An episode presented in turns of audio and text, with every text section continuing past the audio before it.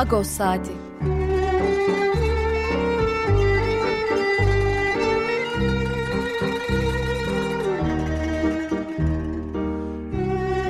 Haftalık Agos gazetesinin penceresinden Türkiye ve Dünya gündemi. Agos'un mutfağından haberler, söyleşiler, olaylar.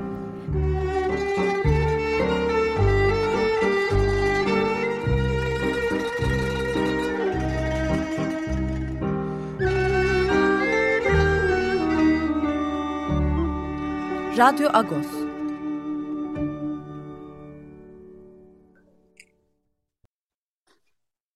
Radyo Agos'tan günaydın Parlus. Ben Yekbar'dan Zikyan. Bugün 15 Ekim. Yeni bir Radyo Agos'ta karşınızdayız. Evet, e, kötü bir güne uyandık. Zaten dün gece e, herhalde e, hepimizin haberi olmuştur. Bartın'da, e, Amasra'da maden ocağında e, patlama meydana geldi. Dün saat 18-15 sularında. E, 18-15'e itibaren hepimiz e, tabii e, haber e, kanallarından, internet sitelerinden ne olup bittiğini anlamaya çalıştık. E, şu sabah itibariyle, biraz önce itibariyle can kaybı, hayatını kaybeden işçilerin sayısı 28'e ulaşmış durumda. İstanbul'da 6, Bartın'da 5 olmak üzere 11 e, yaralı var. Ciddi yaralı diyebileceğimiz. E, 58 madenci e, çıkartılmış vaziyette. E, madende hala 15 kişi, 15 madenci e, var ve 15 madenci içinde kurtarma çalışmaları sürüyor. E, tabii e, patlamanın nedeni bir taraftan e, araştırılıyor. E, bir taraftan kurtarma çalışmaları sürüyor. E, ilk başta trafo kaynaklı olduğu e, söylendi. E, daha sonra henüz saptayamadık ama grizi patlaması olması e, daha kuvvetli e, dendi. E, dolayısıyla e, gözümüz kulağımız e, Bartın'da Ölenlere tabii rahmet diliyoruz. Ee, yakınlarına e, sabır diliyoruz. Yaralılara da acil şifalar diliyoruz. Ee, kolay bir şey değil tabii. Ee, ve ne yazık ki Türkiye'de e, bu maden facialarından bir türlü yakasını kurtaramıyor. Bu yakasını kurtaramamasının e, birçok sebebi var. E, bunlardan bir tanesi de e, denetimlerin e, ya yapılmayışı e, gerekli biçimde e, yapılan denetimlerdeki kusurların ihalede kulak ardı edilmesi öyle gözüküyor. E, Bartın'daki e, patlama e, Türkiye Taş Kömürü Kurumu e, Amasya Müessese Müdürlüğü'nde meydana geldi. Dediğim gibi e, can kaybı sayısının artmamasını tabii temenni ediyoruz öncelikle. Fakat bu şu notu da aktarmak lazım. E, dün akşam saatlerinde patlamadan sonra tabii herkes maden ocağı ile ilgili e, önceki raporlara e, araştırdı. O raporlardan bir tanesinde e, Halk TV'den Hazar Dost ulaştı. E, Sayıştay e, 2007 ve 2017 ve 2019'da e, raporlar hazırlamış, e, bulgulara ulaşmış bu maden ocağı ile ilgili olarak. E, havalandırmaların tersine çalışmaya uygun olmadığını e, 2017'de bildirmiş. 2019'da ise madenin derinliğinin artmasının e, patlamalar, patlamalara neden olacağını e, uy, e, saptamış ve uyarıda bulunmuş. E, şimdi patlamanın da eksi 300 kodda yaşandığını e, açıklamıştı yetkililer. Dolayısıyla e, o raporda da zaten eksi 300 kotun yani eksi 300 yani yerin epeyce bir altı oluyor. E, eksi 300 kotun e, hayli derin olduğu e, anlaşılıyor.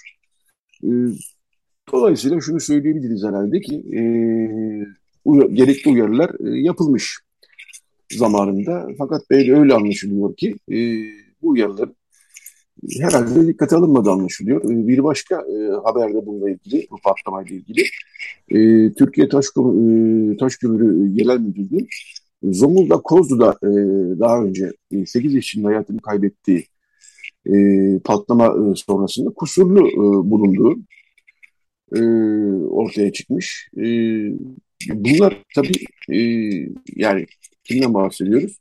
Türk e, Taş Kömürü Genel Müdürü Kazım Eroğlu'nun 2013'teki e, Kozuma e, maden faciasındaki rolünden bahsediyoruz. E, Kazım Eroğlu bu iş, e, bu patlamanın baş sorumlusu olarak yargılanmış. E, ancak 2017 yılında yani 2013'ten 4 sene sonra e, Türkiye Taş Kömürü Yönetim Kurulu Başkanlığı'na genel müdürlüğüne vekaleten 2018 yılında ise asli olarak atandığını ortaya e, çıkıyor haberlerde. Böyle yan e, hikayeleri var, e, detayları var bu patlamanın.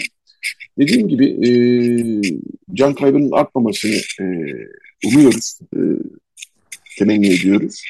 Ancak 28 kişinin hayatını kaybetmesi önemli bir durum. E, başlarda hani e, çok can kaybı olmaz umuyoruz ki e, açıklamaları vardı. Beklenti de o yöndeydi. Evet ne yazık ki 28 e, can kaybına e, ulaşılmış vaziyette. Gün boyunca tabii e, bütün bu gelişmeleri e, hepimiz takip edeceğiz. E, burada kalması en büyük temenni tabii ki e, can kaybının. E, 58 e, madencinin e, çıkartılması da e, önemli. E, gece boyunca e, seyrettik e, çalışmaları ve asansörü gördük canlı yayınlarda. O asansörler indi çıktı. Öğrendiğimiz şey şuydu ki aslında orada bir metan gazı birikmesi de var bir taraftan ve kurtarma çalışmaları e, güçlükle sürdürülüyor. E, çünkü e, bütün uzmanlar e, ilk saatler çok kıymetlidir dediler. İlk saatlerde e, yapacağınız e, her şey çok kıymetlidir dediler. O ilk saatlerdeki e, süre sanıyorum maten gazı e, birikmesi nedeniyle çok da iyi kullanılamamış gözüküyor. Çünkü e, madencilerin çıkartılmasına e, 3 saat sonra 4 saat sonra ancak ulaşılabildi, e, gerçekleşebildi. 1-2 saat boyunca çok az madenci çıkartılabildi. Evet, e, Soma faciasını tabii hatırlıyoruz. E, Soma faciası 13 Mayıs 2014'te gerçekleşmişti ve 301 madencinin ölümüyle sonuçlanmıştı. 301 madencinin ölümü e, yeterince acı vermişken e, çok da adaletli olmayan bir de yargı süreci yürümüştü. Burada tabii e, üç e, savcı görevlendirilmiş vaziyette. Bu üç savcı e, olayı araştıracak. E, ne tür bir e, sonuca ulaşacaklar? Bir ihmal var mı? Bir kusur var mı? Bunlar da tabii bir taraftan e, araştırılacak. Bu arada e, Pakrat abi, e, Pakrat Estutyan'la bir sen sabah olan sohbetimizi gerçekleştiriyoruz. Pakrat abi hatta değil evet, galiba. Evet. Ha, Pakrat abi hattaymış. E, Parlus, Parlus Akbarik. Parlus, ben, e, biraz Parlus. uzunca bir girizgah, uzunca bir girizgah yaptım. Hem son gelişmeleri e, aktarmaya çalıştım hem de e, dün e, yansıyan e, Sayıştay raporunu e, biraz aktardım. Sayıştay çünkü 2017 ve 2019 yılında iki ayrı rapor hazırlamış bu e, maden ocağı ilgili ve olası risklere dikkat çekmiş.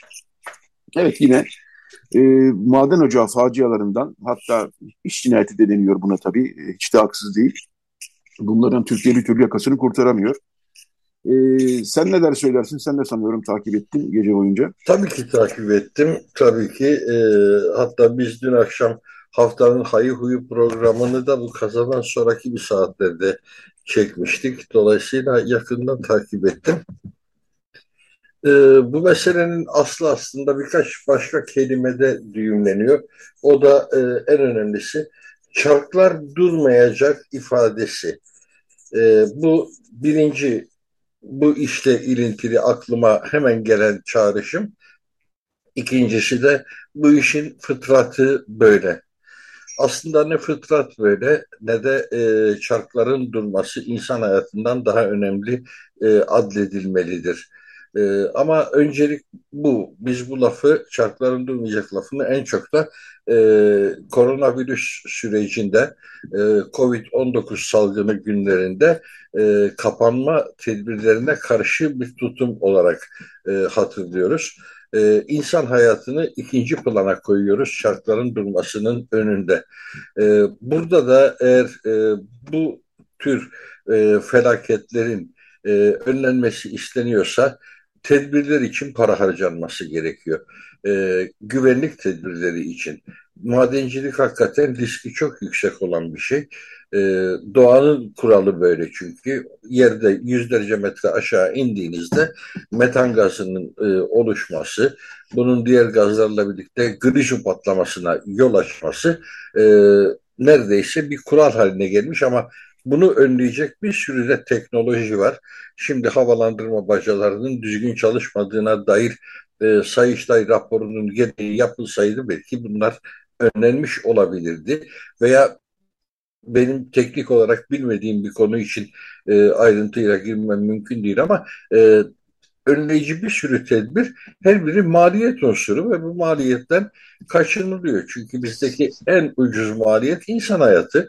İnsan hayatını hoyratça harcayabiliyor. Sonra da ne yapabiliriz bu işin fıtratı böyle diyebiliyoruz.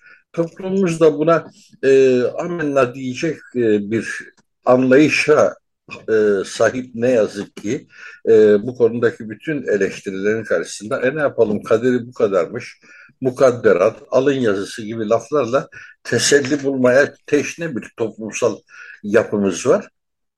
O yüzden e, çok can yakıcı bir şey bu ama vahşi kapitalizmin kuralı bu vahşi kapitalizm 18. yüzyılda çocuk emeğini e, bu madenlerde istismar ediyordu.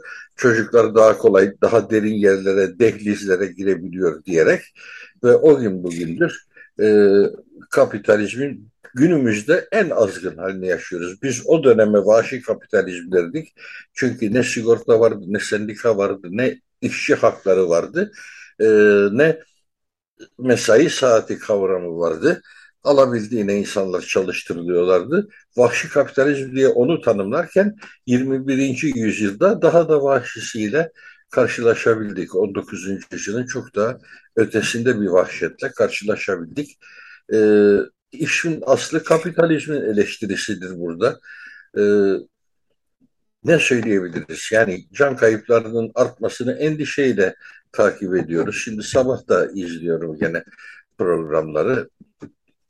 Kötü, çok kötü. Evet, evet. Yani şu son 10 e, yılda meydana gelen e, maden e, kazalarının, patlamalarını düşünecek olursak e, Bartın e, şu an e, bir yara tabii. O öncesinde Hendek'te 2020'de, Çorlu'da 2018'de, Aladağ'da 2016'da, 2014'te Ermenek'te, 2014'te Soma'da en e, can yakıcısı 300 aşkın insan e, ölmüştü. Kozan'da 2012'de. E, bunlar e, gerçekten e, yani her seferinde artık bu son olsun. E, bir daha böyle bir şey olmasın e, umuduyla e, bu kazaları, patlamaları, cinayetleri daha doğrusu belki de öyle söylemek lazım. idrak ediyoruz. Ama e, son olmuyor bir türlü. Türkiye'nin bu maden facialarından bir türlü yakasını kurtaramaması da ne yazık ki e, yani kader olmasın. Temennimiz, talebimiz bu. Ve bir talebimiz daha tabii ki olacaktır. Buna en çok canlarını kaybedenlerin yakınlarının ihtiyacı var. Adil bir soruşturma süreci, yani bir kusur varsa, bir şey varsa adil bir soruşturma süreci yürütülsün. E, bu buradan e, biz de seslendirmiş olalım. Evet, biz program boyunca da yine yeni bir gelişme olursa e, aktaracağız ama 15 işçi şu an madende onları kurtarma çalışmaları sürüyor e, bu çalışmalarında e, selametle sona ermesini e, umuyoruz, e, temenni ediyoruz. Ve bir kez daha hayatını kaybedenlerin yakınlarına e, başsağlığı diliyoruz, rahmet diliyoruz, e, yaralılara şifa diliyoruz ve e, çalışmalarında e, selametle yürümesini e, temenni ediyoruz. Dediğim gibi e, bu e, Bartın'daki e, patlamayla ilgili bir gelişme olduğu zaman program içinde tekrar bunları e, konuşacağız. E, biz tabii e, birkaç not daha bu bölümde e, konuşalım. E, ben birkaç nokta daha e, aktarayım. E, Ermeni toplumunun gündeminde tabii bir e, önemli kritik bir gelişme var. E, yarın Ortaköy Vakfı için seçim yapılacak. E, or, e, azınlık e, vakıfları seçim yönetmeliği yayınlanmıştı 18 Haziran'da. Belki bilinenler olabilir. E, azınlık vakıfları, Ermeni, e, Yahudi, Süryani, Bulgar, Yürücü vakıfları e, seçimle iş başına geliyor yönetim kurulları. E, 9 yıldır bu seçimler yapılamıyordu. E, daha iyisinin yapılacağı gerekçesiyle Vakıflar Genel Müdürlüğü e, iptal etmişti yönetmeliği. Bir yönetmelikle yapılabiliyordu seçimler. 18 Haziran'da yönetmelik, yeni yönetmelik yayınlandı. E, çok eksiği vardı. E, bunlar eleştirildi, dava açanlar oldu. E, bu süreç bir taraftan var ama e, vakıflar biz 9 yıldır yapamadık. Seçimlerimizde buna e, uyarak yapalım. E, başka çare yok dediler. Şimdi onların birincisi Ortaköy e, Vakfı için seçim e, yarın yapılacak. E, biraz e, gergin bir seçim Ortaköy için. Çünkü iki liste var. Beyaz liste ve mavi liste. Biz o tartışmalara girmeyeceğiz bu, bu programda.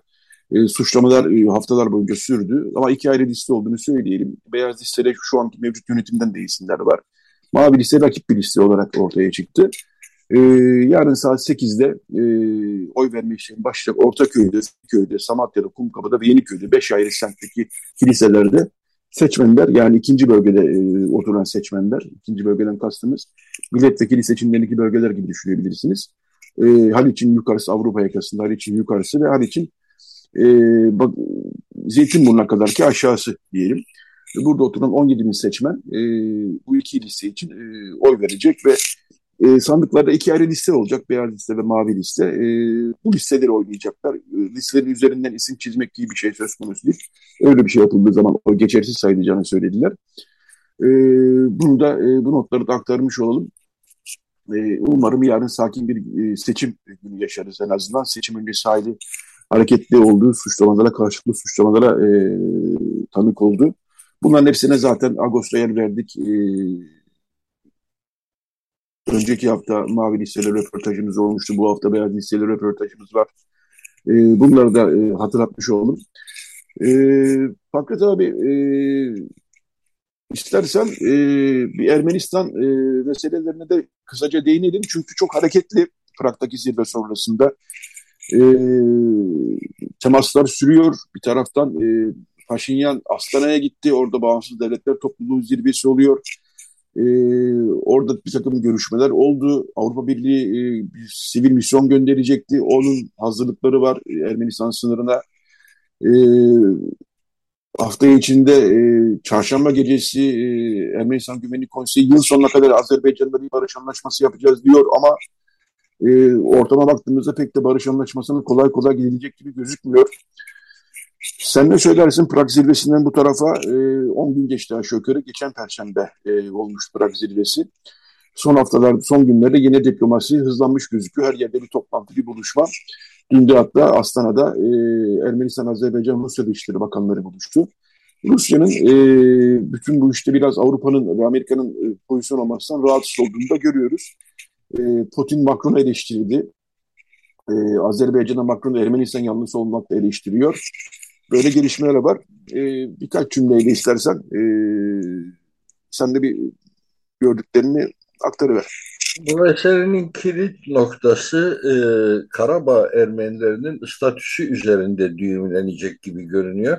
Çünkü e, Azerbaycan o statüyü asla tanımama yönünde e, toprak bütünlüğünü tanıma e, dayatması ki bu e, kabul de edildi Ermenistan Azerbaycan'ın toprak bütünlüğünü tanıyorum dedi.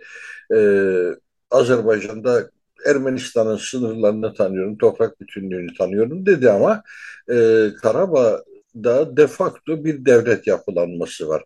Ve bu devlet yapılanmasını yok sayıyor e, Aliyev yönetimi. E, bu Sovyetler Birliği boyunca var olan bir devlet yapılanması aslında.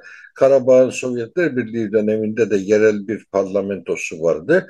Ee, bağımsız olduktan sonra Azerbaycan bunları lağvetmeye kalktı ve her şey bunun üzerine patladı. Bugün de savaşı kazanmış olarak 44 günlük savaşı 2020 Eylül'ünde başlayan 44 günlük savaşı kazanmış taraf olarak Aliyev e, Karabağ'ın varlığına son vermek istiyor. E, diyor ki bunlar benim vatandaşlarımsa bunlarla ne zaman hangi yöntemle konuşacağıma ben karar veririm diyor. E, isterlerse gitsinler buradan diyor. Yani bütün bunlar çok riskli laflar, çok riskli e, sözler. E, Karabağ çünkü tarih boyunca orada duran bir yer, orada duran bir özgünlük. Şimdi orayı yok sayma yönünde bir tutum içerisinde. E, bu tutumu biz Türkiye'den de biliyoruz aslında. Türkiye'de de böyle hassasiyetler vardır.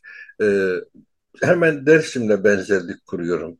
Sarkis Seropyan e, Agos'un kurucularından biriydi ve sık sık şuna vurgu yapardı. Dersim hiçbir zaman Ermenistan devletinin bir parçası olmamıştır tarih içerisinde derdi. Hiçbir zaman Ermenistan krallıklarına tabi olmamıştır. Hep özgün kalmıştır. Aynı şey Osmanlı döneminde de geçerliliğini korudu. Osmanlı İmparatorluğu'na da biat etmedi. Ee, sonrasında 1938'de işte bu özgünlüğü ortadan kaldırmak için yapılan bir şeydi. 2021'e geldiğimizde neyin ne kadar kaldırıldığı halen tartışılabilir. Tabii ki orada bir vali var, tabii ki orada bir garnizon var, tabii ki orada Türkiye Cumhuriyeti Devleti'nin temsili söz konusu ama Dersim biat ettirilebildi mi? Dersimli kimliği ortadan kaldırılabildi mi? Karabağ'da Azerbaycan için bir Dersim çıbanı gibi. Dönemin e, siyasetçileri hatırlayalım. Dersim'e çıban diyorlardı. Orada bir çıban var. Biz o çıbanı patlatacağız. Şimdi Aliyev de Karabağ çıbanını patlatmak istiyor. Yok etmek istiyor. Eğer bütün Karabağlar biz artık burada yaşayamayız gidiyoruz derlerse e, bu çok mutlu edecek tabii ki Aliyev'i ama öyle bir irade gözükmüyor orada. Bunun çözümü nasıl olacak? Düğüm bunun üzerinde şekillenecek. Ermenistan'da da bu konuda fazla bir taviz verilmek istenmiyor. Muhalefet özellikle bu konuda çok ağır bir baskı kuruyor e, Paşinyan üzerine. E, Paşinyan da zaten buna gönüllü bir insan değil. E, bu mesele nasıl çözülecek? Burada nasıl bir diyalog kanalı kurulacak? E, oranın otonomisi nasıl korunacak? Hatırlayalım. E, Gürcistan'da Güney Ossetya ve Abhazya'nın özgünlüğü e, sonuçta Rusya Federasyonu'na dahil olmakla sağlandı. Gürcistan da aynı siyaseti işledi, işletti. Bu iki otonom bölge için, Özerk Cumhuriyeti için e, ve aynı zamanda Acarya için, başkenti Batum olan Acarya için e, ulus devlet zihniyetiyle bunların varlığını yok etmek istedi. Sonuçta o iki bölge e, Rusya Federasyonu'na bağlı oldular. Karabağ'ın durumu ne olacak, nasıl olacak? Bütün düğüm sanki bunun etrafında şekillenecek. Evet, bu hafta Diana Yayloyan da araştırmacı analist, e, Diana Yayloyan da kapsamlı bir yazı yazdı Ağustos için. E, yani Prag zirvesinden sonra değişen dengeleri aktardı. E, ben bu arada sık sık araya gireceğim. E, yani program başında konuştuk detaylı biçimde e, Bartın'daki patlama, Maden Ocağı'ndaki patlama ile ilgili gelişmeleri. Program başında konuştuk ama ara sıra ben tekrar hatırlatmalara bulunacağım. Tekrar diyeyim. Can kaybı ne yazık ki 28 e, kişiye ulaştı. 28 kişi hayatını kaybetti. 11 yaralının tedavisi sürüyor. Ocağın altında da e, 15 işçiye hala ulaşmaya çalışıyorlar. Ben böyle ara sıra hatırlatmalar yapayım. E, yani bu konuya e, takip ediyoruz. Bir taraftan gözümüz orada. Program başında detaylı biçimde konuşmuştuk. Bunu da hatırlatmış olayım. Evet, e, dolayısıyla e, bizim e, bir taraftan Radyo Kosta, Türklerin vermeyen toplumun gündeminde konuşuyoruz elbette. E, bir dikkat çekici gelişmede e, Avrupa Birliği 2022 ilerleme raporunu e, açıkladı geçen hafta. Yani içinde bulunduğumuz hafta. E, 2022 ilerleme raporunu açıkladı. E, son yıllardaki e, adet olduğu üzere e, demokrasinin insan hakları eksikliklerine dikkat çekti. Gerek yargıda, gerekse e, diğer alanlarda, gerekse ekonomide Merkez Bankası'nın bağımsızlığının kaldırılması da başta olmak üzere. E, azınlık toplumdan sonra e, dikkat çekmişler. E, her sene yapıyorlar bunu aslında. Ve orada nefret söyleminin hala devam ettiğini, e, azınlık toplumlarının e, dini anlamda en azından tüzel kişiliklerin hala ders e, gerekli düzeltmelerin yapılmadığına dikkat çekmişler. E, ve e, bilhassa tüzel kişilik konusundaki eksikliğinde e, çekmişler. E, keza e, kiliselere e, yönelik saldırılara da dikkat çekmişler. E, raporun bu e, yılki bölümü biraz e, genel olarak hem e, kalabalık, e, dolgun bir rapor, yani uzun bir rapor e, çok fazla vaka var e, eleştiri anlamında.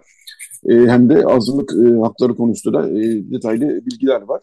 Sadece e, mülteci politikası yüzünden e, Türkiye'yi övüyorlar. E, ki bunu da sık sık konuşuyor. Burada bir tatsız bir anlaşma olduğunu her zaman söylemiştik Avrupa ile Türkiye arasında. Kirli bir anlaşma olduğunu her zaman söylemiştik. Ee, senin ekleyeceğin bir şeyler var mı bununla ilgili Fakat abi? Bununla ilgili benim e, ekleyeceğim şey e, sansür yasası bu durumumuzu daha kötüleştirdi. Yani bir sonraki e, yıl yayınlanacak raporda sansür yasasının da sonuçlarını göreceğiz. Şimdi bugünlerde en önemli konumuz sanırım özellikle seçime giderken. Radyo Agos. Evet, Radyo Agos devam ediyor. Teknik bir aksaklık oldu. Ee, o yüzden yayında bir 20 e, dakika kadar ara vermek zorunda kaldık. Özür diliyoruz e, bu nedenle. Yaklaşık 9-15'ten itibaren e, internet e, kesintisi nedeniyle e, yayına ara vermek zorunda kalmıştık. E, şimdi e, Radyo Gos e, devam ediyor. E, ve hattımızda e, Türkiye Gazeteciler Cemiyeti'nin Genel Sekreteri Sibel Güneş var. Günaydın Sibel Güneş. Günaydın, iyi yayınlar. Günaydın, teşekkürler. Evet, e, telefonla yapıyoruz bu yayını şimdi. İnternet kesintisi oldu bölgesel. E, bu yüzden e, Zoom bağlantısı üzerine yapamadık yayını. Evet, e, biz programın girişinde e, Bartın'daki e, patlamada e, hayat kaybedenler, e, yaralılar bunlarla ilgili gelişmeleri aktarmıştık.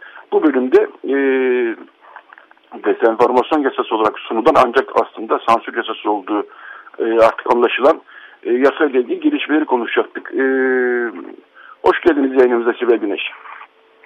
Hoş bulduk. Ben de maden kazasında hayatını kaybeden tüm madencilerimizin ailesi, ailelerine, milletimize başsağlığı diliyorum. Yaralananlara şifalar diliyorum ve umarım e, içeridekiler en kısa sürede kurtulur. Evet, e, 15 işçi e, biz yayına girerken e, altta aşağıda kurtarılmayı bekliyordu. O çalışmalar sürüyor. Bununla ilgili gelişmeleri de biz program içinde zaten e, aktarıyoruz.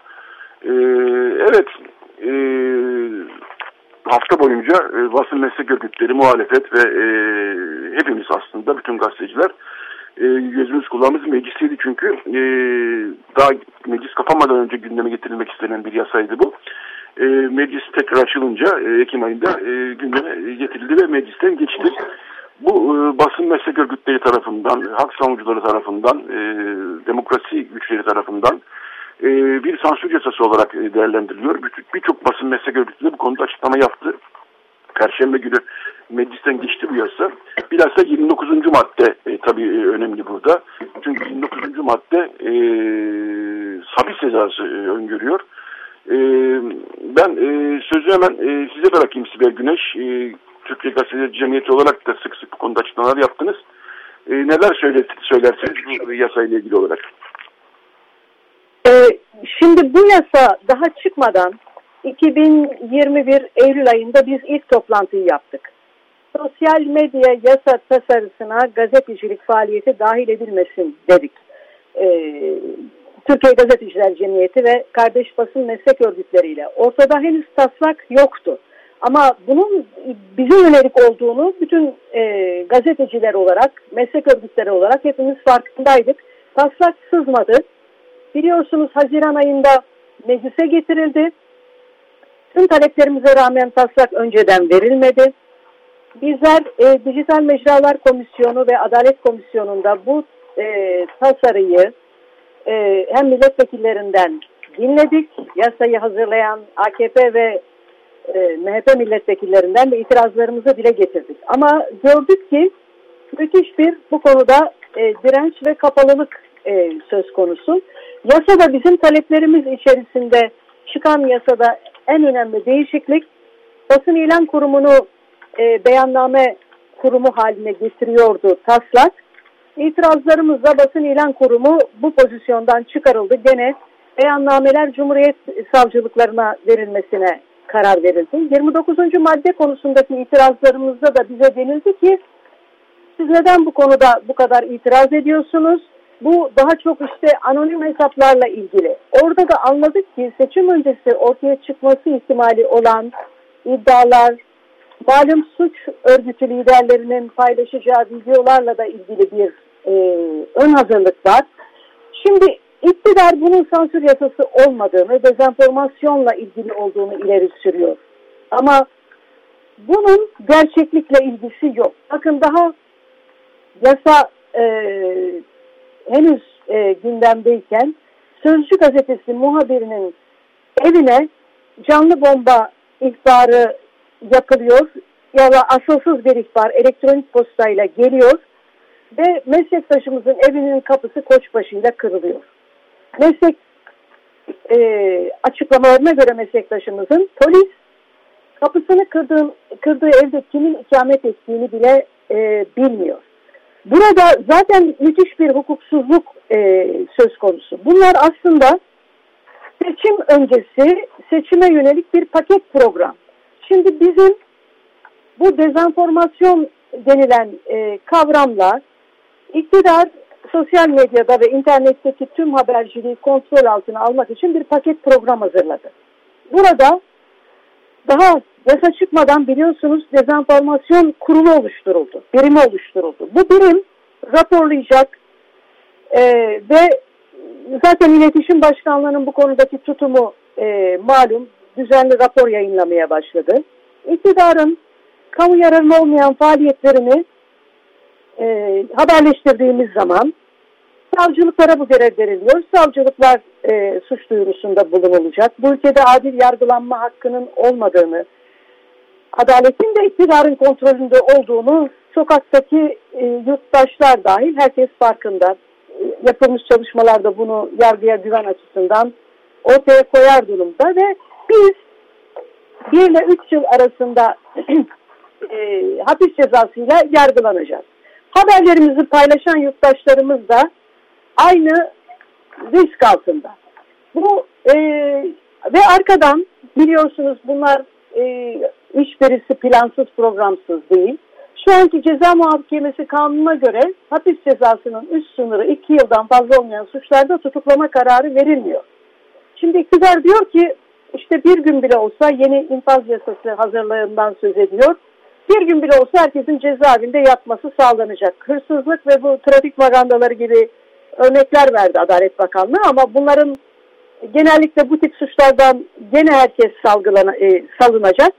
Bu e, gazetecilere dönük olarak e, hazırlandığı e, gerçek anlamda ortada. Ve yine bu ülkenin sınırları dışında hangi operasyonların yapıldığını biz ancak yurt dışındaki haber kaynaklarından öğrenebiliyoruz. Çünkü e, bağımsız medya kuruluşlarının bu konuda neler yapıldığını gerçek anlamda ortaya koyan bir bilgilendirme yapılmıyor. İktidarın propagandasını yapan e, iktidara yakın medya organlarının verdiği bilgiler de sağlıklı değil.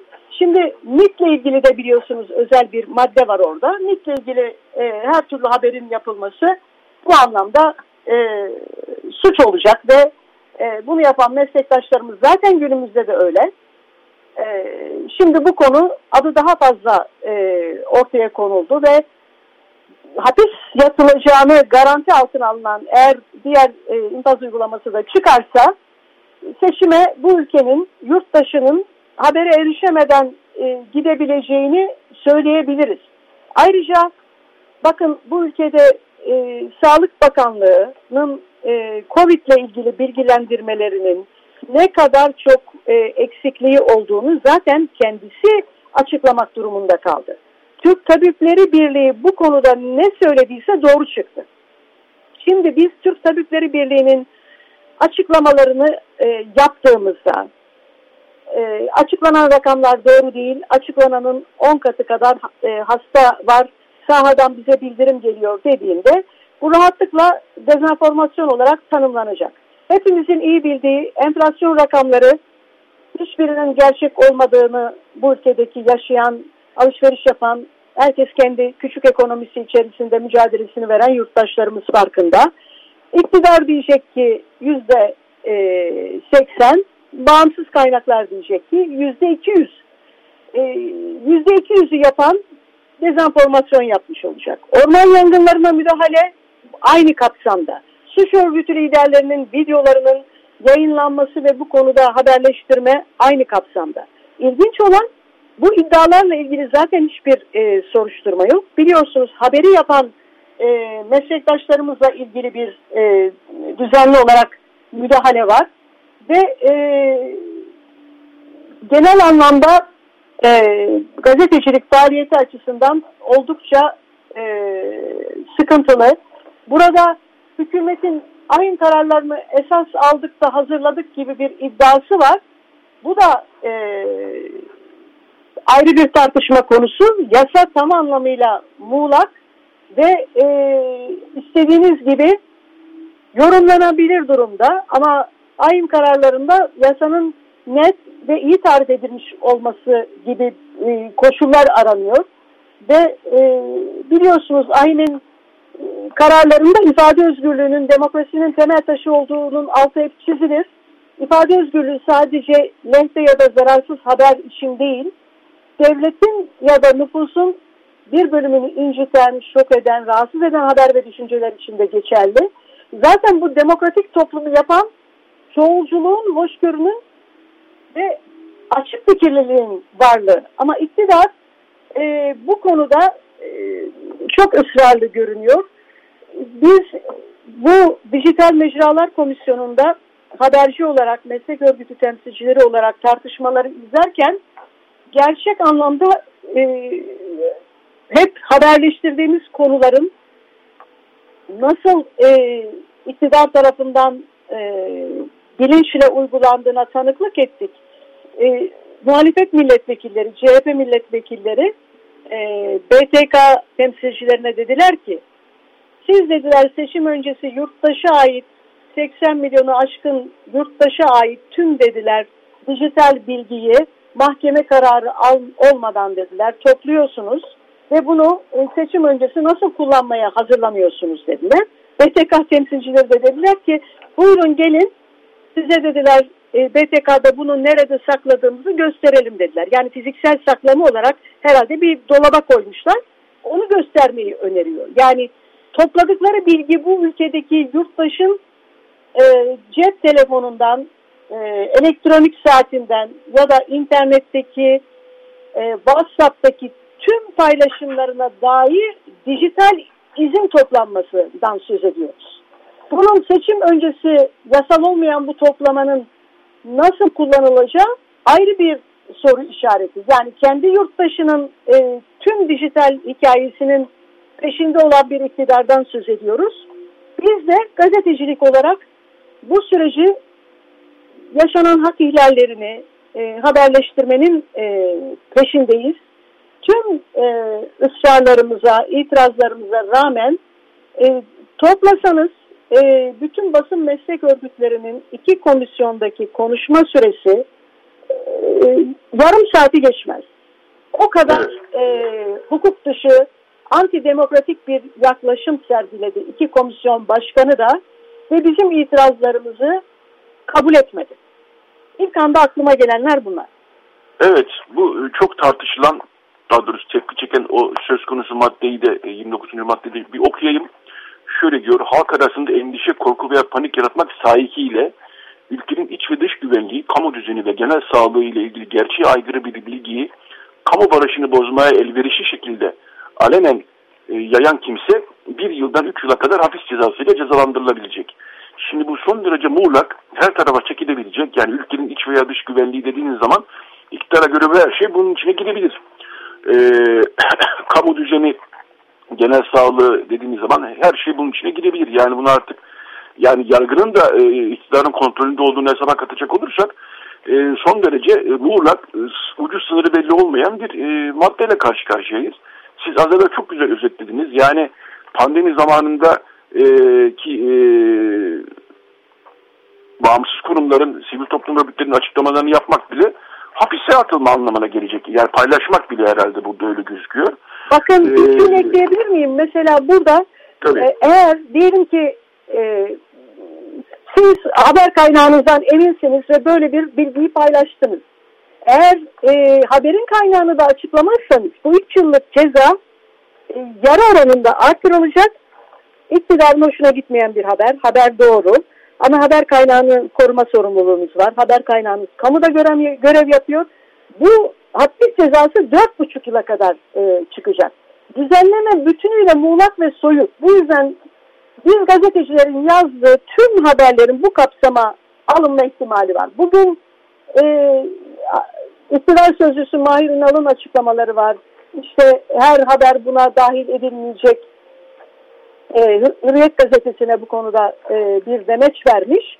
E, belirli kriterler var. Bunların mutlaka olması e, gerekecek. Hepsi için bu tip bir uygulama olmayacağını e, iddia ediyor. Bizim iktidarın başımıza gelenler meslektaşlarımın cezaevine girip çıkan meslektaşlarımızın bütün duruşmalarının e, izlemiş bir e, gazeteci meslek örgütü temsilcilerinden biri olarak söylüyorum. En sağdan en sola kadar tüm meslektaşlarımız yazdıkları haberler, cep telefonları ve e, not defterleri ses kayıtları nedeniyle yargılandılar ve e, ortak noktaları şuydu. Dediler ki benim suçum ne? Hiç kimse ortak olan buydu.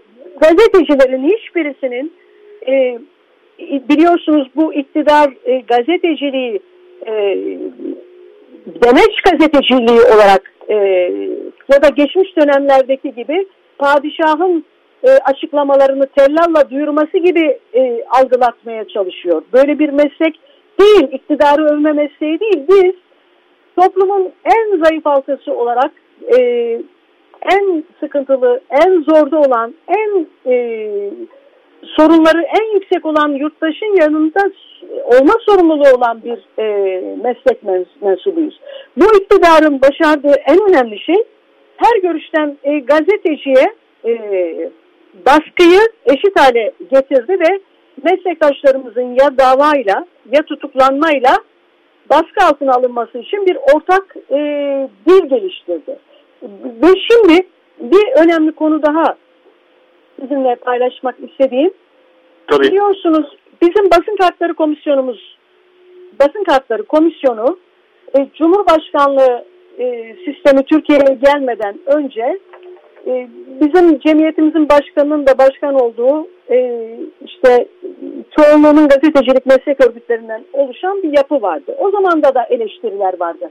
Devlet basın kartını veriyor, e, meslek örgütleri, sendikalar versin gibi birçok eleştiri vardı. Ama bakın o dönemde bizim bu iktidar döneminde meslek örgütlerinin çoğunlukta olduğu basın kartları komisyonunda bizler e, gayet açık oylamayla e, bu ülkede cezaevine fikir suçu nedeniyle girmiş gazetecilerin e, sarı basın kartını ve sürekli basın kartlarını verdik.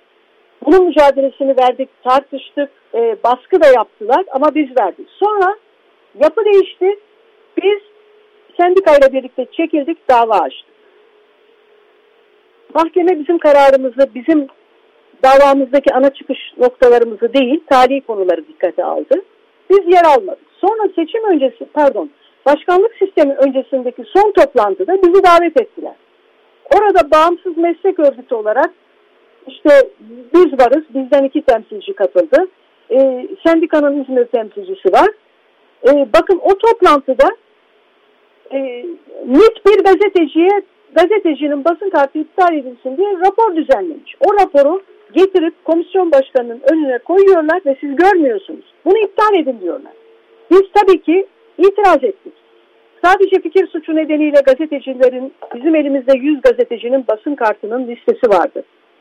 Bunların e, kartlarını vermiyorsunuz dedik. Ve bunlar 12 Eylül dönemindeki adli sicil arşiv kayıtlarına dayalı olarak verilmeyen basın kartları. Bize dediler ki böyle bir şey mümkün değil. Sonra sisteme girdiklerinde aa evet dediler iptal etmemişiz de vermemişiz dediler. Sonra e, başkanlık sistemi geldi. Kapalı devre basın kartları komisyonu uygulamaya başladı. Oradaki hangi dernekler ancak mecliste bir soru önergesi verilmesini istedik biz milletvekillerinden. Ondan sonra komisyonda kimler olduğu öğrendi. Ve iktidarın e, yurttan sesler korosu olarak kendi seslerini seslendiren e, temsilciler iktidarın aleyhine haber yaptığı düşünülen hiç kimseye basın kartını vermedi. Aydın Engin basın kartını alamadan e, 50-60 yıldır gazetecilik yapan insanlar vefat etti. Sonradan kartıyla ilgili açıklama ortaya çıktı. Tuğrul Er Yılmaz'ın kartını e, Özgür Gündem'de eş yayın yönetmenliği yaptığı dava nedeniyle terör faaliyeti olarak onu değerlendirdiği için basın kartını iptal ettiler, vermiyorlar. Şimdi daha da komik olan e, milletvekilleri, muhalefet milletvekillerinin bu konuda bir çabası oldu ama tabii sonuç vermesi mümkün değil bu meclis aritmatiğinde. Sayı 19 kişiye çıkartıldı. Basın kartları komisyonunda. Bizlerden birer kişiyi alıyorlar. İstanbul, Ankara ve İzmir'deki basın meslek örgütlerinden birer kişi. İşte en yüksek sendika biliyorsunuz devletin kurdurduğu e, bir sendika var. Oradan bir temsilci var. Uzun lafın kısası bizi orada e, meslek gerçek basın meslek örgütlerinden söz ediyorum. Bağımsız evet. muhabirin, sokaktaki habercinin, her türlü riski e, haber için göğüsleyen, başı dövülen, saldırıya uğrayan gerçek habercinin oy vererek e, seçtiği gerçek basın meslek örgütlerinin temsilcilerinin sayısı e, orada 3 ya da 4 adet meslek evet. örgütü var. Şimdi bizi de seyirci olarak, hukuksuzluklara seyirci olarak davet edecekler.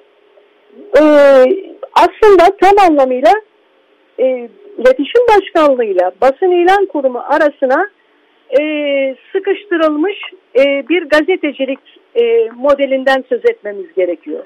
İletişim evet. Başkanlığı basın kartlarını iptal etme tehdidini hep elinde tutacak ve bunlar mahkeme kararları artık e, mahkemeye başvursanız da bunlar uzun süreçler.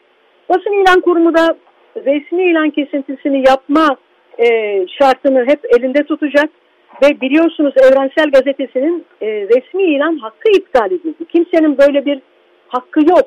Bütün e, evet. basın ilan kurumunun verdiği cezalar biliyorsunuz bağımsız medya ya da kendini muhalif olarak tanımlayan e, basın örgüt, basın e, temsilcilerine verildi. Ama iktidarın e, yakınında duran e, gazetelere ya da artık bundan sonra internet sitelerine böyle bir e, ceza söz konusu değil. Şimdi bir önemli konuda Şimdi e, artık e, kimse ee, WhatsApp'ta da Sibel Güneş, paylaşımlarına süremizin biraz sonlarına geliyoruz. Çok kısaca özetleyebilirseniz e, sevinirim.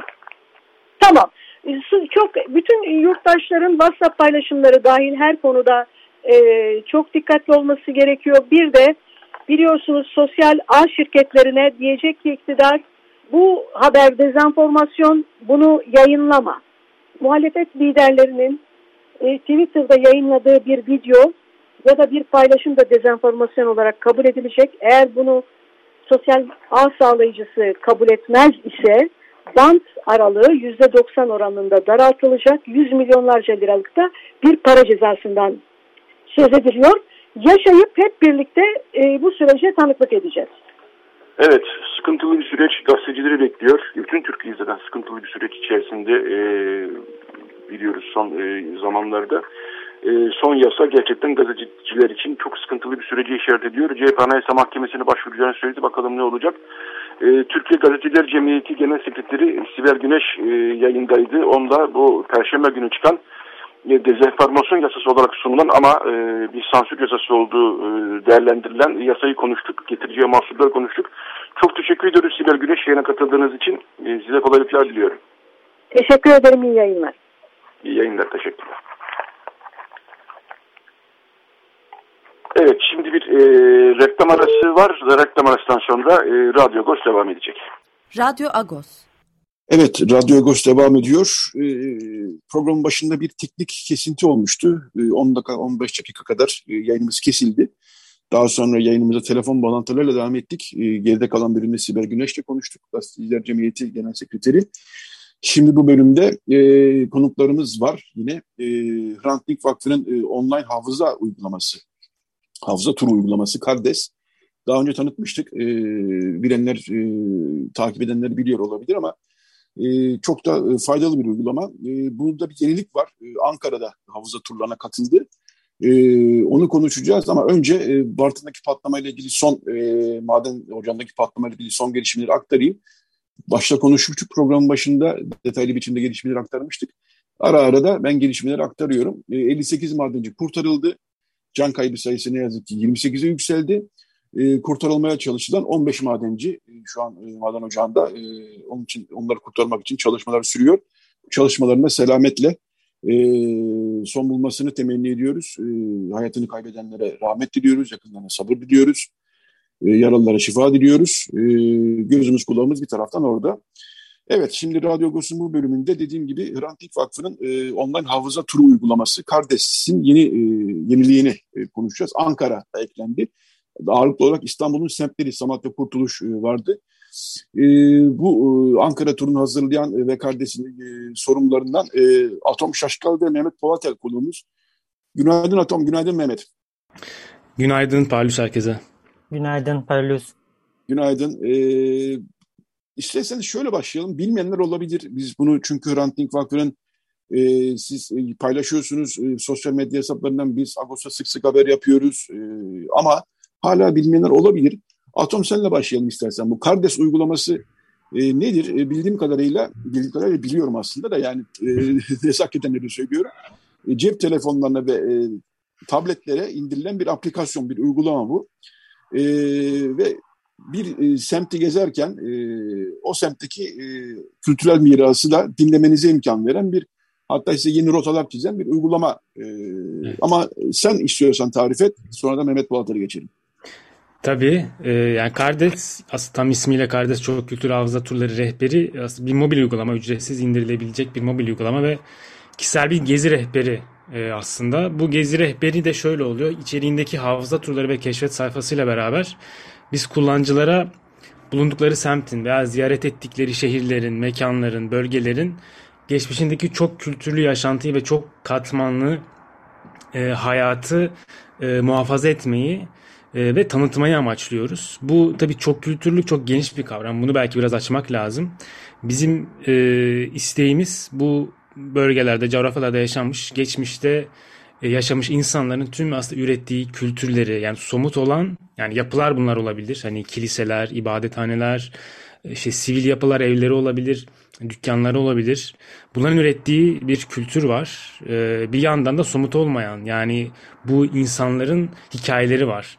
Bunlar çok görünür değil artık günlük hayatta ve zaman geçtikçe de bu farklı toplumlardan, farklı kültürlerden insanların isimlerini, e, hikayelerin daha az görür, daha az duyar olduk. E, onların hikayelerini biraz daha görünür kılmaya çalışıyoruz. Tabii bu hikayeler ulaşmak da zorlaşıyor. Çünkü artık e, okuduğumuz kitaplardaki anlatılar veya resmi tarihin bize anlattığı tarih ayrı. Bu insanların yaşadıkları biraz ayrı kalıyor. Yani daha az görünür oluyor. Onların sesini biraz daha duyurmaya çalışıyoruz. Onların hikayelerini daha görünür kılmaya çalışıyoruz. Bunun için de uygulamada hafıza turları bölümü var. E, bu bahsettiğim çok kültürlüğe dair e, hikayeler, anlatılar bulmaya çalışıyoruz ve bunları bir mekanla ilişkilendiriyoruz. Yani bu hikayeler bir insanın da hikayesi olabilir, e, bir yapının da hikayesi olabilir, bir olayın da olabilir, bir sokağın da hikayesi olabilir. Bunları harita üzerinde nokta halinde yerleştirip oradan rotalar çıkarıp bir hafıza turu adını verdiğimiz bir e, tur içeriği hazırlıyoruz ve bu içeriğe de mobil olarak yani telefon üzerinden ulaşılabiliyor. E, her durağın içinde metinlerimiz oluyor e, eski ve güncel fotoğraflar koymaya çalışıyoruz. E, böylece kullanıcı da ister evinde ister de sokakta e, Kardes'le beraber bu yapıları e, keşfe çıkabiliyor. Bir yandan dilerse de seslendirme sayesinde dinleyebiliyor. Bunun da ötesinde biz içerik hazırladığımız bölgelerin insanlarıyla da konuşuyoruz. Yani orada sözlü tarih görüşmeleri yapıyoruz. Örneğin işte Ahbar bahsettin işte Samatya, işte Kurtuluş Tatava turları var gibi. Biz de bu turları hazırlarken örneğin eski Samatyalılarla konuştuk. Ee, onların, onların ağzından Samatya'yı dinledik ve bu e, bu anları da kaydettik. Bu kaydettiğimiz e, videoların da kesitler halinde uygulamanın ilgili yerlerine yerleştirdik. Böylece örneğin işte Samatya'nın eski bir sineması bir durağımız mesela bizim. Kullanıcı o sinema alanının bir zamanlar bulunduğu bölgeye gittiğinde hem metni okuyacak hem veya isterse seslendirmeyi dinleyecek. Bir yandan da Samatyalıların ağzından o sinemaya dair e, bildiklerini, anılarını e, birinci ağızdan dinleme şansına sahip olacak. Kısaca hafıza turları bu şekilde çok uzatmayayım. Bir de keşfet sayfamız var. Bu harita üzerinden de yani keşfet sayfasının içerisindeki harita üzerinden de e, çevrenizdeki kültürel miras yapılarını e, keşfedebiliyorsunuz. Yani okullar, sinagoglar, kiliseler, hastaneler, işte e, anıtlar, çeşmeler gibi pek çok farklı yapı hakkında kısa kısa bilgiler ve harita üzerindeki konumlarına ulaşabiliyorsunuz. Evet. İstanbul ağırlıklıydı e, Kardes. Kardes bu arada Ermenice harita demek. Onu da hatırlatmış olalım. E, şimdi Ankara'nın eklenmesi bende de bir heyecan yarattı e, açıkçası. E, çünkü Ankara hep böyle bir e, hiç sanki e, farklı kültürleri barındırmamış. Baştan sona bir e, Cumhuriyet'in bir kalesi olarak başlamış ve öyle gitmiş bir kent olarak bilinir ama aslında hem Ermeniler hem Yahudiler aslında e, bulunduğu, bir zamanlar bulunduğu, Rumların aynı zamanda bulunduğu bir e, mekan orası. E, bu kardeşin Ankara e, ayağını Naz Gökten, Gülçin Kültür Şahin, Hale Soygazi, Nişan Şirinyan seslendirdi. Neler var? Topalyanların dükkanı, ben e, Rantlik Vakfı'nın bilgi notundan aktarıyorum. Topalyanların dükkanı, Aya Nikola Rum Kilisesi, e, Amerikan Sinagogu, Kocamanoğlu Tiyatrosu, Şengül Hamamı diyeyim ve çok da fazla uzatmayayım. Mehmet Polatel e, aynı zamanda bir akademisyen. Onu e, makalelerinden de tanıyor olmalısınız. Mehmet Polatel de ne mutlu ki kardeş uygulamasıyla uğraşıyor, çalışıyor. E, güne, e, Mehmet, e, Mehmet diyorum dinleyiciler kusura bakmasınlar aramızda bir ahbaplık var çünkü. E, Mehmet Ankara uygulamasında neler var diyeyim ve kısaca sözü sana bırakayım. Teşekkürler Yetva Akbarik. Ee, şimdi şöyle ben de aslında bir Ankara olarak ben de çok heyecanlandım Ankara'nın dahil olmasına. Hani dediğiniz gibi e, Ankara aslında sanki Cumhuriyet'le birlikte ve başkent olmasıyla birlikte yeniden yaratılmış ve yani hiçbir e, farklı çok kültürel bir geçmiş olmadığına dair bir yak, e, anlayış veya bir izlenim vardı. Biz onu aslında değiştirmek için bu çalışmayı başlattık. Yani vakıf en azından çalışmayı bu nedenle başlattı. Geçen sene hani saha çalışmasıyla başladı bu çalışma. Hani adamın bahsettiği Türkiye Kültür Varlıkları haritasında bizim 60-65'e yakın yapı işaretliydi. Bu tabi literatür taramasıyla elde edilmiş bilgilerdi. Saha çalışmasıyla aslında şimdi baktığımızda 100, 180'e yakın neredeyse e, yapı çıktı. Bunların çoğu da hani bizim en azından e, işaretlediklerimizin çoğu gayrimüslimlere ait yapılar aynı zamanda 19. yüzyıl öncesi camiler de bulunuyor. Biz de bu yoldan e, çıkarak hani Ankara'nın e, bu Ankara'da Cumhuriyet öncesinde yaşamış hani farklı etnik ve dini grupların hani bu şehre aslında birçok şey kattıklarını ve onun ve kattıklarını göstermek, onların izlerini sürmek adına da bir hafıza turları oluşturduk. Dört hafıza turuyla şimdilik çıktık. Üç tanesi e, Ankara'nın eski merkezi diyebileceğimiz Ulus'tan. Bir tanesi de Cumhuriyet'in ortalarından itibaren şekillenen Kavaklıdere bölgesi. Ulus tur içerisinde de hani bir Hisar turumuz var. Hisar turunda Ankara Kalesi ve çevresi aslında. Burası aynı zamanda da 1916'da bir Ankara yangını oluyor. Ankara yangının da olduğu bölge ve bu yangın aslında şehrin bu bölgesini bayağı dönüştürüyor. Çünkü Ermeni ve Rum mahallelerinin olduğu bölge ve orası yanıyor. Zaten hani Cumhuriyet'in e, bu milli mücadelenin süreçte buraya geldiklerinde zaten hani buranın hala yanmış olduğuna dair de e, anılar bulunuyor. Hani bunun içerisinde dediğiniz gibi Topalyanların dükkanını e, koyduk bu hafıza turunun içerisine. Yani Ankara Kalesi'nden başlayıp Sulahan'a kadar gelen bir tur. Topalyanlar da orada tiftik e, ve sof üretimiyle uğraşan bir Ermeni aile. Onların dükkanı hala ayakta duruyor. Hani onu işaretledik. Onun ardından Aziz Clemens Rum Kilisesi var. Onu e, ekledik. Bir de örneğin Rum bir, e, birine ait bir tiyatro var. E, hani hiç böyle, böyle bir bilgi aslında e, yoktu. Hani Osmanlı öncesinde, şey Cumhuriyet öncesinde Ankara'da böyle bir tiyatro oldu. Ama anılarda görüyoruz ki hani Shakespeare ile oynanmış 1912-13'lerde Ankara, 13'ler Ankara'sında. İkinci tur olarak da Yağdı Mahallesi'ni koyduk. Hani bir Ankara olarak aslında Yağdı Mahallesi'ni bilmeyen de bir yandan e, çok olduğunu da biliyorum. Hala orada bir sinagog e, ayakta duruyor. Hani sadece özel günlerde açık olsa da e, o yer alıyor. Biz bunun içerisinde yine Yağdı cemaat için önemli olan Şengül Hamamı'nı koyduk. Yağdı okulları bulunuyor. Bunun, yine aynı mahalle içerisinde Rum okulları var. Onu ekledik. Ve yine hani e, adamın bahsettiği yani yalnızca e, kültür varlıklar anlamında değil hani bazı insan hikayelerine de ulaşıyorduk. Orada mesela Sara diye Yahudi mahallesini en son terk etmiş e, bir e, Yahudi e, hanımın evinde koyduk oraya. Çünkü 1970'lere kadar e, cemaat bir şekilde tek tük yaşıyor bu mahallede. 70'lerden sonra kimse kalmıyor. Ve sadece Sara Hanım direniyor hani gitmemek adına ve 1980'lerin sonuna kadar da orada onun evini de koyduk. Maalesef onun evi 2017 yılında e, bilinmeyen bir nedenle yanmış durumda. Daha sonrasında meydan turunu yaptık. Meydan turu da bugün Ulus Anıtı, Zafer Anıtı denilen yerin çevresi aslında. Burası aslında biraz Cumhuriyet ve başkentle birlikte şekillenen birçok işte kitap evinin, barın, pastanenin olduğu, aynı zamanda da bir Rum mezarlığı ve daha sonrasında e, Millet Bahçesi olan e, şu an işte Ulus 100. Yıl Çarşısı'nın olduğu bölge. Aslında bunu bunları şeyden de anlatıyorum. Aslında Ankara'ya baktığımızda yani birçok yapı defalarca hani e, aslında şekil değiştirmiş, dönüştürülmüş hı hı. bir durum. Hani bir şeyin hafızasını aramak için birkaç hafızayı bir arada anlatmak da gerekebiliyor.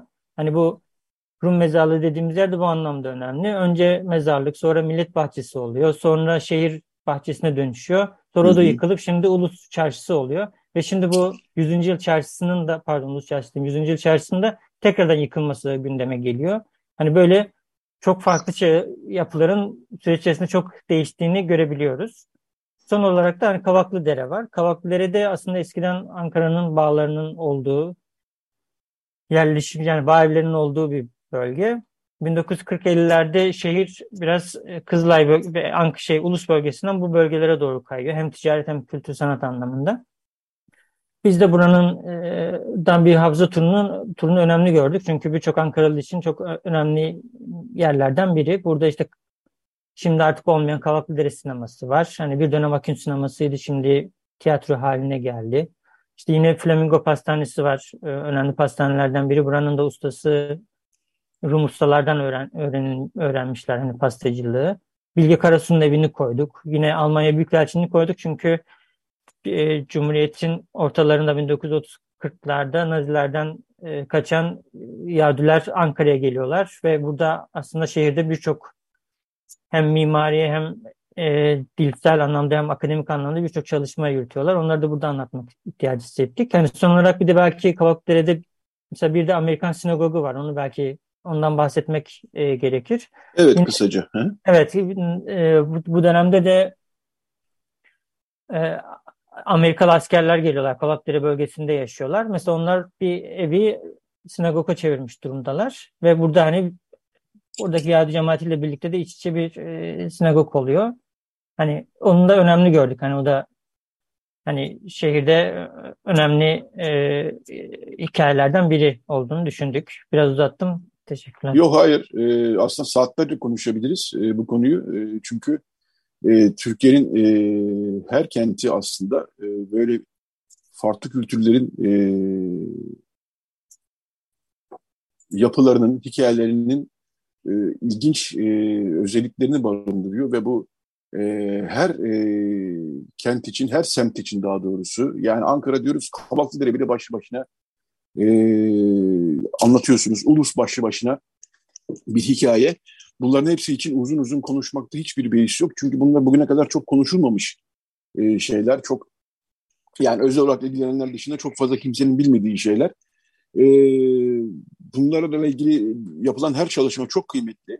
E, yani şunu tekrar etmek lazım. Kardeş uygulaması indiriyorsunuz. E, gezerken dinlemek ayrı bir keyif. Ama illa kalkıp oraya gitmeniz şart değil. Uygulamadan istediğiniz semti veya kenti seçip e, oradan hem sözlü olarak yani dinleyerek hem de okuyarak hem de insan hikayelerini de eşlikle e, bu e, çalışmanın detaylarına e, ulaşabiliyorsunuz. Adam e, siz şimdi İzmir'desiniz e, bildiğim kadarıyla. E, İzmir mi geliyor? E, onu da sorayım. Evet sırada İzmir var. Biz e, geçen sene Mehmet'in de çok güzel anlattığı şekilde Ankara'yı uzun uzun çalıştık. Ankara aslında daha tam bitmedi. Yani Ankara'da şu an bizim dört tane havza turumuz var ama yakında e, Ulus bölgesinden bir semt turumuz daha gelecek. Onun haricinde Kızılay bölgesi Ankara için, Ankara'nın hafızası için önemli bir çok önemli bir bölge. E, biz Kızılay bölgesini de bir atölye aracılığıyla aslında e, içeriği hazırladık. Onu da bir e, çağrı hazırlayarak e, katılımcıların e, durakların kendi seçtiği ve metinlerinin kendi yazdığı bir atölye düzenledik. Bunun da yani Kızılay turu da yakınlarda çıkacak. Bu da daha kolektif, daha katılımcı bir yolla hazırladığımız bir tur olacak. Bunun da haberini vermek isterim. Ee, dediğiniz gibi evet Ahbarik şu an İzmir'deyiz. İzmir'i çalışıyoruz. Biraz geziyoruz, biraz e, bilgiler alıyoruz. Ee, önümüzdeki aylarda da daha haberlerini vereceğiz. İzmir bölgesinde de çok sayıda hafıza turu ve yenilenmiş keşfet sayfasıyla beraber kardeş e, daha içerik olarak daha hem daha zengin hem daha kapsamlı bir e, uygulama haline gelecek. Tabii İzmir Ankara'ya göre çok daha fazla hikaye barındırıyor en azından kaynaklar ve araştırmalar çok e, bakımından çok araştırılmış, çok çalışılmış bir bölge ve çok daha büyük işte farklı toplumlardan nüfuslara pek çok yapıya misafirlik etmiş bir bölge olduğu için bu biraz daha bizi zorlamıyor diyemem Ankara'ya kıyasla ama tabii ki bunda keyfi ayrı oluyor. Dediğim gibi e, Ankara'dan sonra İzmir içeriğimizde gelecek yakın zamanda bunun haberini vermek isterim. Evet onu da merakla bekleyeceğiz. Ee, İzmir tabii çok kapsamlı, çok boyutlu e, bir kent. E, hem Rum hem Yahudi hem Ermeni hem Türk e, nüfusların e, yıllarca büyük hem kültürel hem ticari hem de faaliyetler yürüttüğü hem de sanatsal faaliyetler yürüttüğü bir kent e, bir zamanlar oradaki Ermeni gazeteleri bile neredeyse İstanbul'da yarışır vaziyetteydi. E, Yahudi mahalleleri vardı. Rumların zaten oradaki varlığı biliniyor. E, dolayısıyla çok e, kolay bir iş olmayacak öyle gözüküyor. E, Adam istersen e, Ankara'yı konuştuk. Ankara'dan önce e, neler vardı? Birkaç semti istiyorsan İstanbul'la ilgili de sayalım. Belki dinleyiciler bilmiyor olabilirler. Samatya'yı ben biliyorum, e, Beyoğlu'nu biliyorum ama istersen sen bir şöyle hatırlat. Tabii tabii İstanbul'da biz çok farklı semtlerde çok farklı yerlerde hem semt tur hem de tematik turlar çıktık. Bunlardan birkaç örnek verebilirim. Ee, Kadıköy, Kadıköy bölgesi 3 tane turumuz var. Kadıköy Rıhtım, Kadıköy Bahariye ve Kadıköy Moda turu. Adalar bölgesinden 4 tane turumuz var. Kınalıada'dan ilk turumuz, Büyükada'dan e, küçük ve büyük tur olmak üzere iki turumuz var. İstanbul'daki Tarihi Yarımada bölgesinden 3 e, üç tane turumuz var. Sultanahmet, Sirkeci e, Süleymaniye turumuz. Aynı zamanda bu bölgede direkler arası diye anılan e, caddedeki e, biliyoruz bildiğiniz üzere orası çok eskiden yani Osmanlı evet. döneminden çok büyük tiyatro e, tiyatro salonlarının, Merkezi. sinema salonlarının bulunduğu çok önemli bir mekan. Oraya dair de bir direkler arası tiyatro turumuz var bizim. Yani tematik turlardan bahsetmiştim. Orada da Osmanlı dönemindeki o bölgede yer alan tiyatro yapıları, tiyatro oyuncuları yani oradan e, yıllarını geçirmiş Rum, Ermeni, Türk oyuncular hakkında da hayat hikayelerini anlattığımız bir turumuz oldu. E, Bala turumuz var. E, biraz önce bahsetmiştik Samatya turundan bahsedebiliriz. Onun haricinde biraz daha Galata yönüne gidersek Pera turumuz, Karaköy turumuz e, mevcut. E, burada da yine tiyatrolar özelinde Beyoğlu'ndaki yani İstiklal Caddesi ve çevresinde Osmanlı döneminde inşa edilmiş tiyatro yapıları ve tiyatrocular hakkında hazırladığımız bir Beyoğlu tiyatro turumuz var. Bunu da çok şiddetle öneririm. Evet. Ee, onun haricinde yukarı daha biraz daha kuzey tarafa gidecek olursak Sarıyer ve Büyükdere turlarımız. Ee, Yeşilköy turumuz mevcut. Ee, çok sayıda böyle turlarım, turlarımız var. Tabii İstanbul bitmez. Yani İstanbul'da da çok sayıda evet. aslında diğer bölgelerden de turlar hazırlamak istiyoruz. Ama birazcık İstanbul dışına çıkıp Anadolu'nun diğer taraflarına biraz içeriğimizi zenginleştirelim istedik. Ee, Çok da iyi yaptınız. Çok da iyi yapıyorsunuz. Ee, ben de zaten aynı binadayız. Ee, tanık oluyorum çalışmalara. Büyük müthiş e, bir e, keyif alıyorum. Ben çünkü yani gezmeyi, e, tarihi binaların hikayelerini merak eden e, birisiyim. Bu açıdan ben de çok faydalanıyorum. Kardes uygulamanın ismi. E, aplikasyon olarak indirebilirsiniz telefonunuza, tabletinize ve e, bütün bu turları isterseniz evinizden, isterseniz gezerken dinleyerek e, ulaşabilirsiniz bu turlara. E, Kardes için çalışan Ranting Vakfı'ndan e, Adam Şaşkal ve Mehmet Poğatel konuğumuzdu. E, çok teşekkür ediyoruz e, yayına katıldığınız için. Şimdi İzmir'desiniz. Size evet. kolay gelsin diyorum. Hakikaten az evvel de konuştuğumuz gibi e, hikayesi, hikayesi çok zengin bir kent İzmir. E, çok teşekkürler Adam. Çok teşekkürler Mehmet. Biz teşekkür ederiz davet ettiğiniz için. Biz de teşekkür ederiz evet. Sağ olun. Sağ olun. Kolay gelsin. İyi çalışmalar diliyorum size. Evet, Radyo Agos'un sonuna geldik. E, bu hafta biraz zor bir yayın oldu. iki açıdan hem Bartın'daydı gözümüz kulağımız. Oradaki e, can kayıplı sayısı ne yazık ki sabah karşı arttı 28'e ulaştı. E, maden ocağının altında e, 15 işçiye ulaşma çalışmaları sürüyor. Hem de teknik bir sıkıntı yaşadık. E, internet kesintisi yaşadık. E, programın ilk bölümünde bir 10-15 dakikalık kesintimiz oldu. Daha sonra yine telefonlara devam ettik. İnternet geldi ama e, ufak tefek mesajı da geliyor bana ara ara kesiliyor diye. Umarım ki e, son bölüm en azından e, dinlenebilmiştir. E, Ermeni toplumu açısından da yine önemli bir hafta sonu. Yarın Ortaköy Vakfı Yönetim Kurulu seçimi olacak. İki liste yarışacak. Sabah 8'de e, sandıklar açılacak. Beş semtte yani Feriköy, Samatya, Kumkapı, e, Yeniköy ve Ortaköy'de sandık var. E, ikinci bölgede yer alan 17 bin seçmen orada oy kullanabilirler. Evet, e, Recide Felal Kabil yardımcı oldu bize. E, Radyo Ghost'tan bu haftalık bu kadar. Haftaya yeni bir Radyo Ghost'ta buluşmak üzere diyoruz.